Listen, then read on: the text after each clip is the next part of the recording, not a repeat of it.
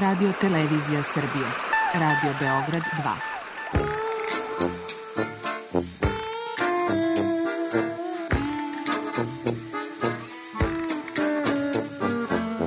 Rekli su mi, gospodine, vi ste promašili temu. Pa ja sam onda promašio život. I ne znam šta će da bude sam. Kaže, ja ne mogu više te čuvam.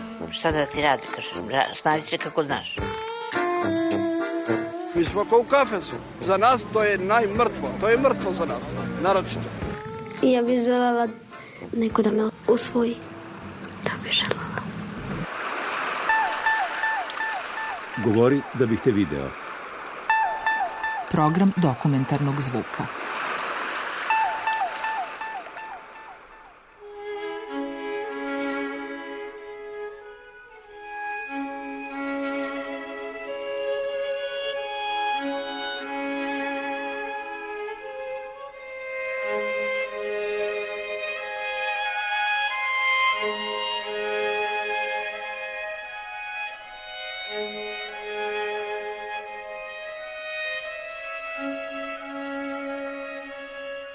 23. jula 1999. godine 14 meštana sela Staro Gradsko sa Kosova i Metohije ubijeno je u polju, tokom žetve.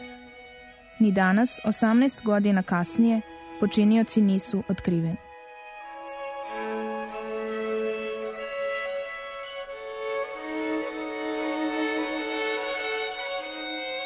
Zoran Ćirković je učitelj u seoskoj školi i predstavnik srpske zajednice u opštini Lipljane.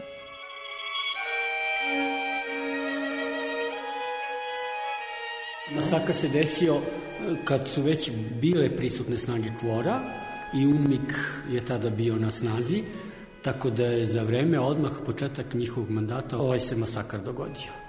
Mi smo tražili, znali smo da su oni pošli i dva dana pre toga tražili smo da nam kvoro da pratnju, ali oni su nam rekli idite slobodno, nemate pratnju, sve je bezbedno. Ljudi su pošli i nisu se vratili.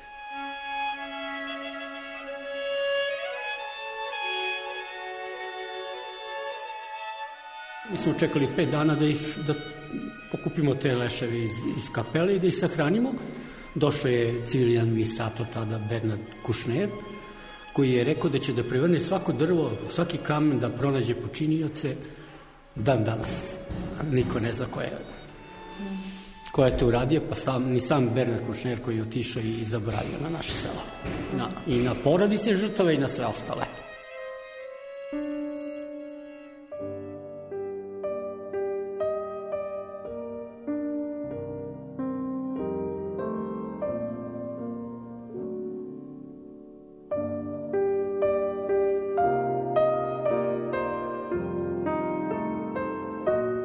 Pesnik sa Kosova i Metohije Dragan Ničić održao je govor na parastosu poginulim žeteocima.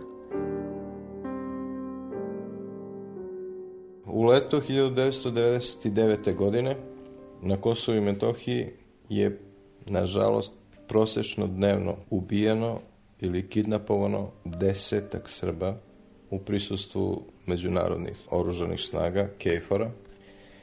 Tako da su ljudi pokušavali na svaki način da se zaštite, pre svega ograničavajući svoje kretanje. Međutim, postoji situacija kada mora da, da se ode u polje, a to je žetva i činjenica da su Srbi tada tokom žetve bili izloženi riziku da ovaj postanu mete nekih zločina. Te noći kad se desio taj, odnosno tog popodneva i predvečerja, kad se desio taj stravični zločin u Starom Gradsku. I ja i moji, moje komši i rođaci imali smo isto iskustvo, jer je i na nas tokom žetve tog dana otvarana vatra snajperom i mi smo pozvali u dva navrata vojnike engleskog kefora. Naravno, kada vojnici dođu, napadi prestanu a vojnici su nam po drugom dolasku rekli da oni nisu došli, da njihova misija ne obuhvata čuvanje seljaka na poljskim radovima i da ih više ne zovem. Bilo je vrlo bitno da se žetva obavi jer smo živjeli stvarno u okolnostima vrlo skučenog kretanja i svako kretanje je bila velika opasnost. Tako da je donošenje žita bila u stvari solucija za preživljavanje, jer i veze sa maticom, sa Republikom Srbijom bile su veoma otežane tada u to vreme, u leto 99. godine. I dostavljanje hrane i svega, sve je bilo otežano i vrlo problematično, tako da je žetva bila pitanje na neki način života ili smrti. Nažalost, u starom gradsku desio se taj jezivi zločin da je 14 ljudi koji su otišli da uzmu pšenicu za hleb za svoje porodice ubijeno. To je ostavilo velike psihološke posljedice na čitavo stanovništvo, da ljudi razmišljaju da li će iduće godine otići u žetvu, u polje i da li će moći da se vrate.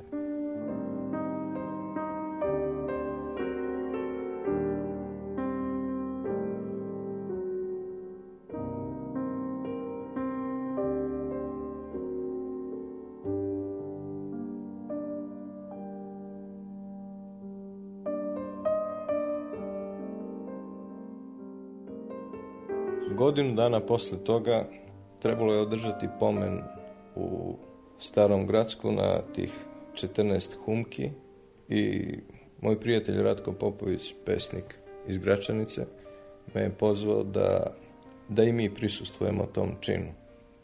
Ja sam ga pitao, pa šta mogu da, šta da izgovorim na takvom mestu? Pa on je rekao, pa dobro, reci neku svoju pesmu. Ja sam otišao sa tom mišlju kući, ali razmišljao sam i nisam video ni jednu svoju pesmu koju mogu da izgovorim na tom mestu. I tako čitave noći sam razmišljao o tome i nekako se sve to saželo u tu jednu pesmu koja je više neki krik iz kolektivnog nekog očaja. To je naj, najteže mesto na kojem sam ja stajao i trebao nešto da kažem. I to su teške reči na teškom mestu. I otišli smo sutradan tamo i rekli su nam da je groblje minirano i da je opasno da se tamo uđe, ali na naše insistiranje jer nismo hteli da govorimo nigde nego baš na tim grobovima i mi smo otišli tamo i obratili se ispred porodica ubijenih. Međutim, to je vrhunac licemerja međunarodnih snaga koje su došle iz humanitarnih razloga, a u kasnim godinama nisu mogli da obezbede porodicama da dođu na grobove svojih ubijenih uz obrazloženje da je groblje minirano. Znači, ne samo što su ubijeni, nego oni i na neki način e, moraju da budu i zaboravljeni. Da se njihova slika tih 14 grobova izbriše iz naše svesti, iz našeg sećanja i mislim da na to ne smemo da pristanemo.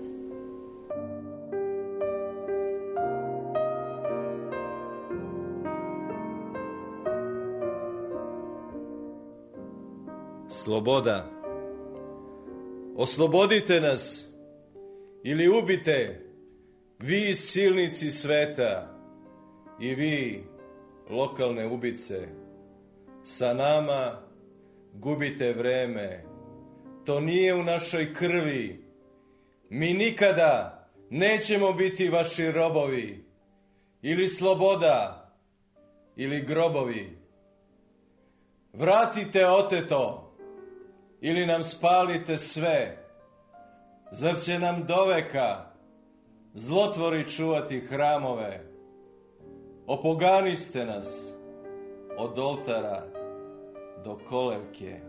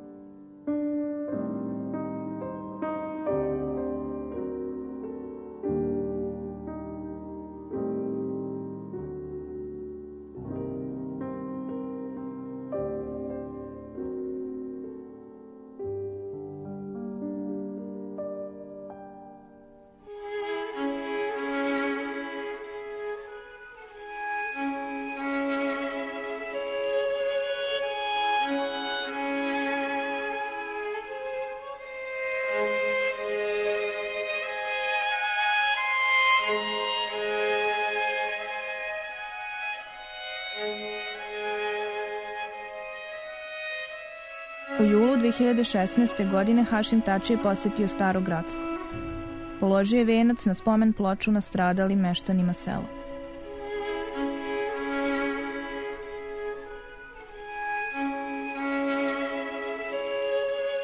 Hašim Tači je poslao svog savjetnika na razgovor sa, sa nama, sa političkim aktivom sela, gde mi nismo teli da razgovaramo, nego bez prisustva porodica, onda smo pozvali porodice, svi smo bili prisutni i njegovom savjetniku dali smo do znanja da on nije poželjan u naše selo pre samog Parastosa. Hteo da dođe na Parastos, onda je rekao da treba pre i pre.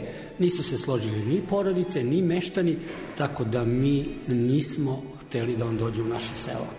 Ali desilo se to, on je rekao, hteli ili ne hteli, on dolazi, to je bilo 3-4 dana pre, pre obležavanja Parastosa. E, mi protiv sile nismo mogli, sila je sila i on je odradio svoj deo posla.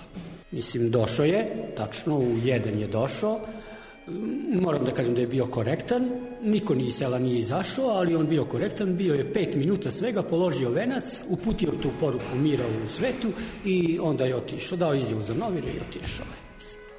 A posle toga, posle njegovog obilaska, opozicija je na sve strane grmela to što je on dolazio ovde. I posledica, evo vidite, polupana ploča i osveta, ne znamo kome osveta, mrtvim ljudima ili kom, stvarno nam nije jasno to dan danas. Ploču niko nije dirao 17 godina, desilo se baš ove godine u poseti Hašima Tači.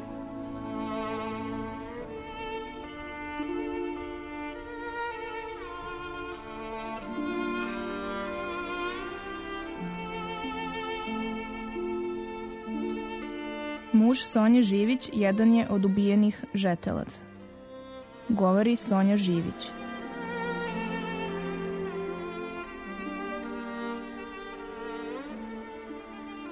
Jovica Živić. Imao 28 godine kad je ubijen, a ja 21. Sa četvoro dece sam ostala. Najstariji je šest godina, a najmlađa tri meseca.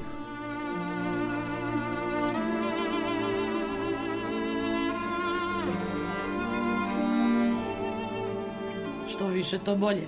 Da su sve majke kao ja, da sve imaju po četvoro, ne bismo došli ovde gde smo sada. Ja sam rodila prvu devojčicu sa 16 godine, a najmlađe sam rodila sa 21. I odmah sam ostala, nakon tri meseca sam ostala sama, sa njih četvoro. To jest ne sama, imala sam sve krvu, otac i majka su mi bili ovde u selo, ali bez domaćina, bez glave porodice. I evo me i dan danas. Mora se, deca te guraju napred, hoćeš, nećeš, moraš. Oni ne znaju da za nema i da ne može. E, sad su porasli, sad malo bolje razumu, sad već, sad je već drugačije.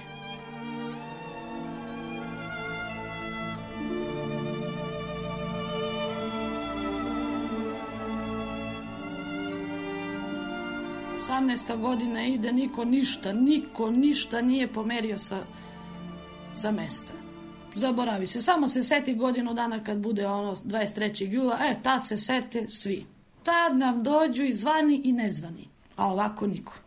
Ja sam se sama borila, došla do svoje radno mesto, sam radila u Kosovski zatvor, ovde, od 2002. do 2008. kada je proglašena nezavisnost, Koštunica i Samarđi su nas prozvali, tad su oni bili glavni, prozvali su nas da napustimo posao, da budemo patriote, da, da podržimo našu Srbiju, da mi smo svi kolektivno napustili posao, E, posle toga niko ništa nije bilo, onda morali smo da štrajkujemo tri meseca da bi oni dala, dali nama jednu platu od 16.000 dinara, znači od 2008. negde je jula meseca, avgusta su nam dali, do dan danas ja primam 16.000. Ni dinar se nije povećala.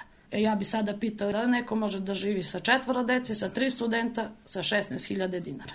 Imam jednog srednjoškolca kome mora da se da za užinu, kome treba svaki dan da da ima nešto, mora da se obuče, da se obuje, knjige, tri studenta, svi trebaju po nekog vraga da uplate i ja 15, 16 hiljada, nikad ne mogu da uzmem svih 16, uvek nešto mora da ostane.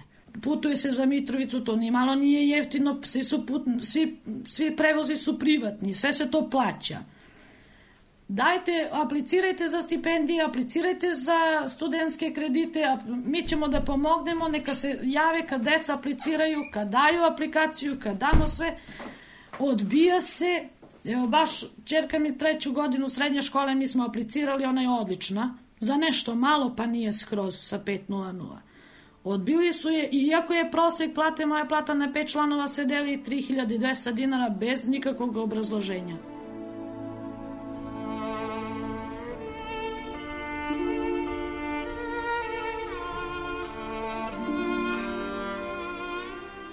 Gospodin ministar Jeftić nam je pomagao u par navrata i jedini se on setio. Do sada jedini od političara. Ovi drugi niko ništa. Niko ništa. Lepo nam dođu i slikaju se tu fino. To je živa istina. Ako ja lažem, ima ko će da potvrdi da lažem ili da govorim istinu. A lepo, ovak Boga mi nameste se nekih sat vremena fino. Ima ih na internet slike, milina, sve u odela, sve doterani, fini, lepi. Baš lepo se slikaju. Majke mi, smešno, ali i žalosno. Pa kako se menjala politika, o, svaki put kao, kako se promene sve neki novi novi su dolazili. E sad, bio nam je Aleksandar Vulin, bio nam je Marko Đurić, Jović, neki njegovi saradnici Đurićevi, saslušaju oni tu, niti ko šta piše, niti ko šta, da, i kosovski zvaničnici. Ovaj naš Taći nam je bio, Milina, fino, sve lepše od lepšeg. Svi oni su se doterali. Svi ekstra su. Baš su dobri. I onda će opet da dođe sledeće godine jula meseca i ja ću opet istu pesmu da pevam non stop i opet niko neće da me sluša.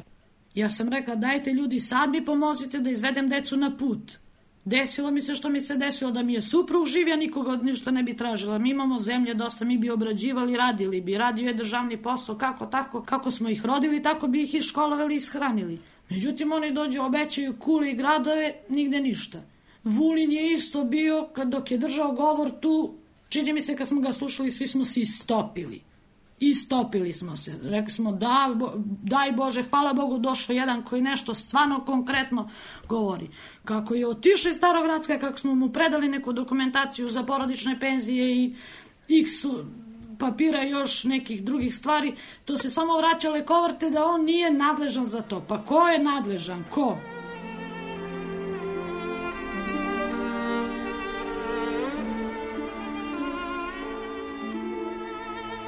Sem što starimo i što su deca porasli, što su veći prohtevi, ne vidim razliku. Baš ne vidim. Nikakav napredak ja ne vidim. Baš nikakav. Jedno što mora da se ostane, što mora da se živi, što nemamo kud. Inače, nikakvu razliku ne vidim ja. Ljudi su se iselili, iseljavaju se, prodaju se kuće, Albanci na sve strane jer ne vide perspektivu. Dođu samo, obećaju nam kuli gradove, od toga nigde ništa. Da su bar neko radno mesto za ovu decu, za ovu omladinu, da li možda bi deca težila da ostanu ovako kuće. Evo, završila je školu, sedi ovde sa menima da postane baba prevremena. To je živa istina. Završila je sve ispite dala, sve je dala u roku i dobri je studenti, sve, sve je dala u roku. Sad, samo da diplomski treba da ju uplatimo i da, da diplomira. I to bi završila da sam ja bila finansijski, da sam mogla da, da ispratim to. Ja tražim samo za nju posao da ona dođe i o meni ne treba posao, ja ću da primam te moje, tu moju platu, ja ću i dalje sa ove druge da se, da se borim, nju da zaposle, pošto je već završila.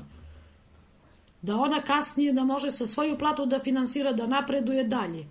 Ako ne bude neko primanje da ona nešto ne uradi, mi ćemo i dalje da sedimo ovde i da starimo bez veze. I onda će oni sledeće godine da dođu opet na parastos i onda opet će da mi drnda tu Ali ja mislim da ove godine, mislim, to je sledeće godine, neće moći da dođu da mi obećavaju tu, jer ja, boga mi ću letvu da uzmem. Za motku mi je najmanji problem, stvarno će da bude i motki sve, jer da dolazi tu da, mi, da se slikaju, nisu mi potrebni.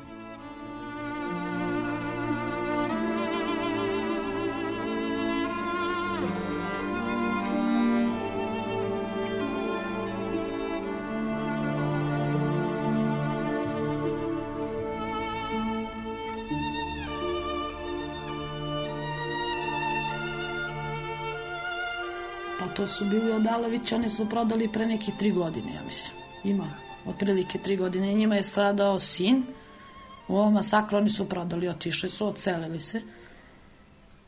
Doselio se, to jest napravio je Albanac Nemamo problema, ne mogu da se žalim na njega, ni na njega, ni na njegove radnike, ni nikoga. Ne mogu, baš stvarno bi rekla nešto krivo kad bi rekla da su loši. Za sada, što ne znači da će to da se nastavi u buduće. Ali sa svih strana smo opkoljeni. Sa leve, sa desne. Moja kućica to dođe kao jedna mala pečurkica koja je izvirila. Ali nema veze, vesela je, puna. Puna je. Mnogo više nego što imaju oni milionski projekat, ali ja imam u kuću milionski projekat. Ali šta ćemo, mora da živimo tu gde smo se našli tu.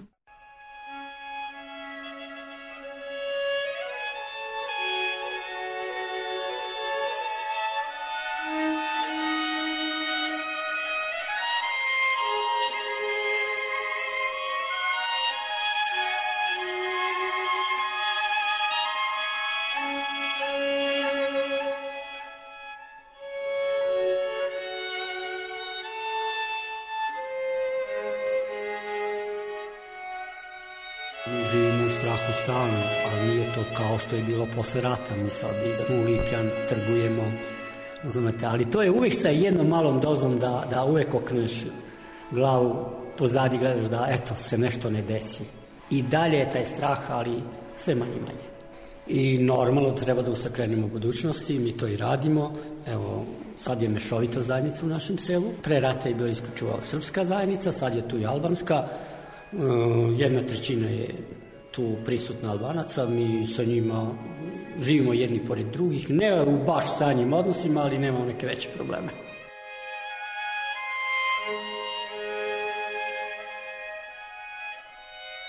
Pre rata je bilo 500 stanovnika, sada je 200.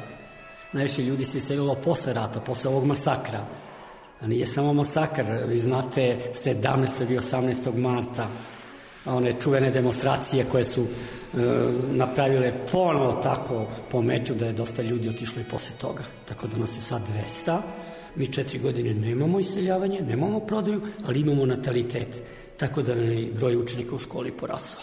E, negde oko 18 učenika imamo, ali bit će normalno i preškolsko i sve, to je ministar, evo vidite da se radi, renovira unutrašnji ambijent, nadamo se sledeće godine da bude i još veći broj učenika.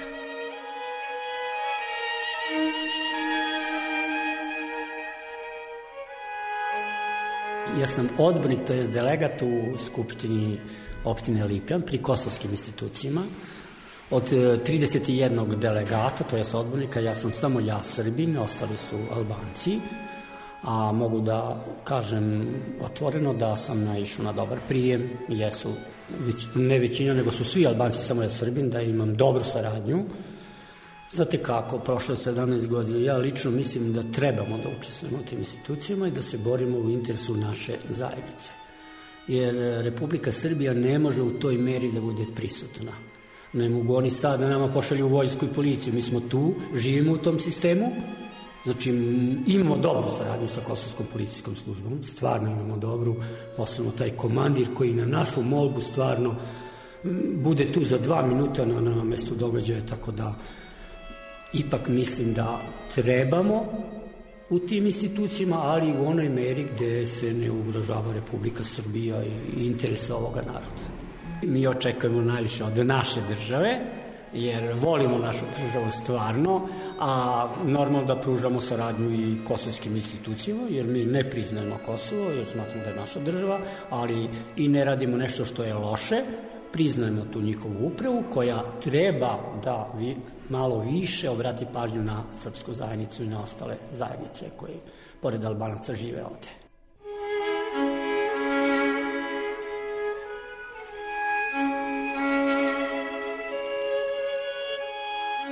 Ključ opstanka ovoga sela jeste integracija, ali ključ jeste zapošljavanje. To je najveći problem ovoga sela ima ne samo ovoga sela našeg, starogradska, nego to je i, u ostalim selima, ali mi smo ovde zadnje izolovano selo. I, da, I dalje smo pod jednom vrstom izolacije. Nema zapošljavanja, znači nema ni od strane države Srbije, ni od strane Kosova, tako da e, mladi koji završavaju fakultete, to je već 17 godina, i srednjoškolci nemaju posla Ima puno mladih bračnih parova, kažem vam, natalitet u selu je poraslo sa puno dece, ali posla nema. To nas najviše plaši da će to jednog dana da ispari celo selo, ostaće bez mladih, tako da neće biti ni ove škole, ni, ni tako još od drugih institucija za mladih.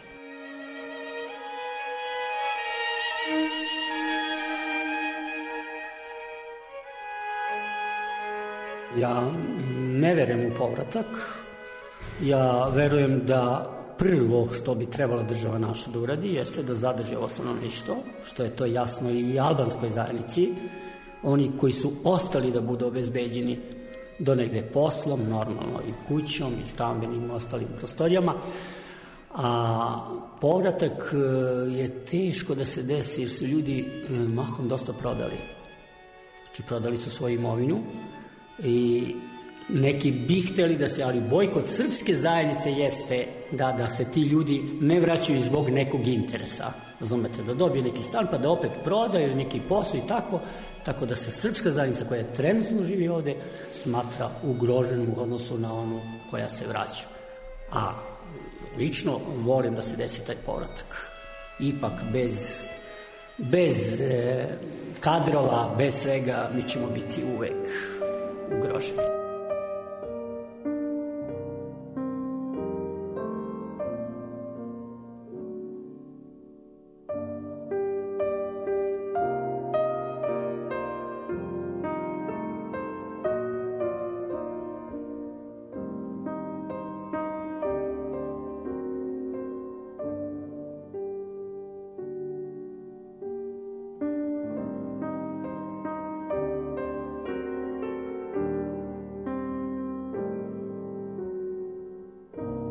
Slušali ste dokumentarnu reportažu Staro Gradsko.